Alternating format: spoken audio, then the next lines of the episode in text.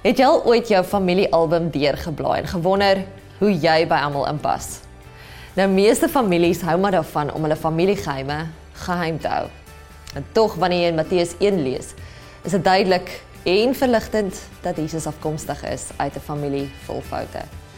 Ragab was 'n prostituut, Jakob was 'n leenaar, Isak was 'n dagdromer, Dawid was 'n moordenaar en hy het 'n buiteegtelike verhouding gehad.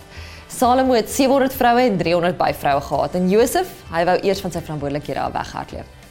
Die vraag is, waarom het God dit so beplan dat Jesus vanuit so 'n stamboom gebore moet word? Ek dink omdat God geweet het dat jou familie ook geheime gaan hê en dat jy kan verstaan dat hy met jou aanklank kan vind. 'n Suster se naam op 'n swart lys. 'n Oom met 'n misdaadrekord, 'n pa wat weggeloop het en nooit weer teruggekeer het nie. 'n Neef verslaaf aan pornografie of 'n broer wat 'n derde party tot sy huwelik ingelaat het. Wanneer jy na jou stamboom kyk en jou stamboom slegte vrugte dra, wil God vir jou sê ek verstaan. Vir die wat skaam is, sê hy ek verstaan. Vir die wat moed verloor het, sê hy ek verstaan. Vir die wat altyd probleme moet oplos, sê hy ek verstaan.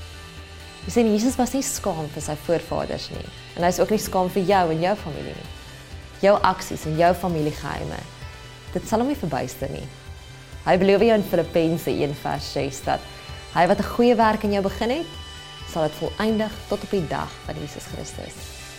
So met jou oë gefestig op hom kan jy met vrymoedigheid, vol selfvertroue en vry na hom toe gaan. En ook jou familie. Hy's 'n pa vir sommiges, hy's 'n man vir ander, hy's 'n vriend vir almal. En ja, hy's 'n verlosser vir die wêreld.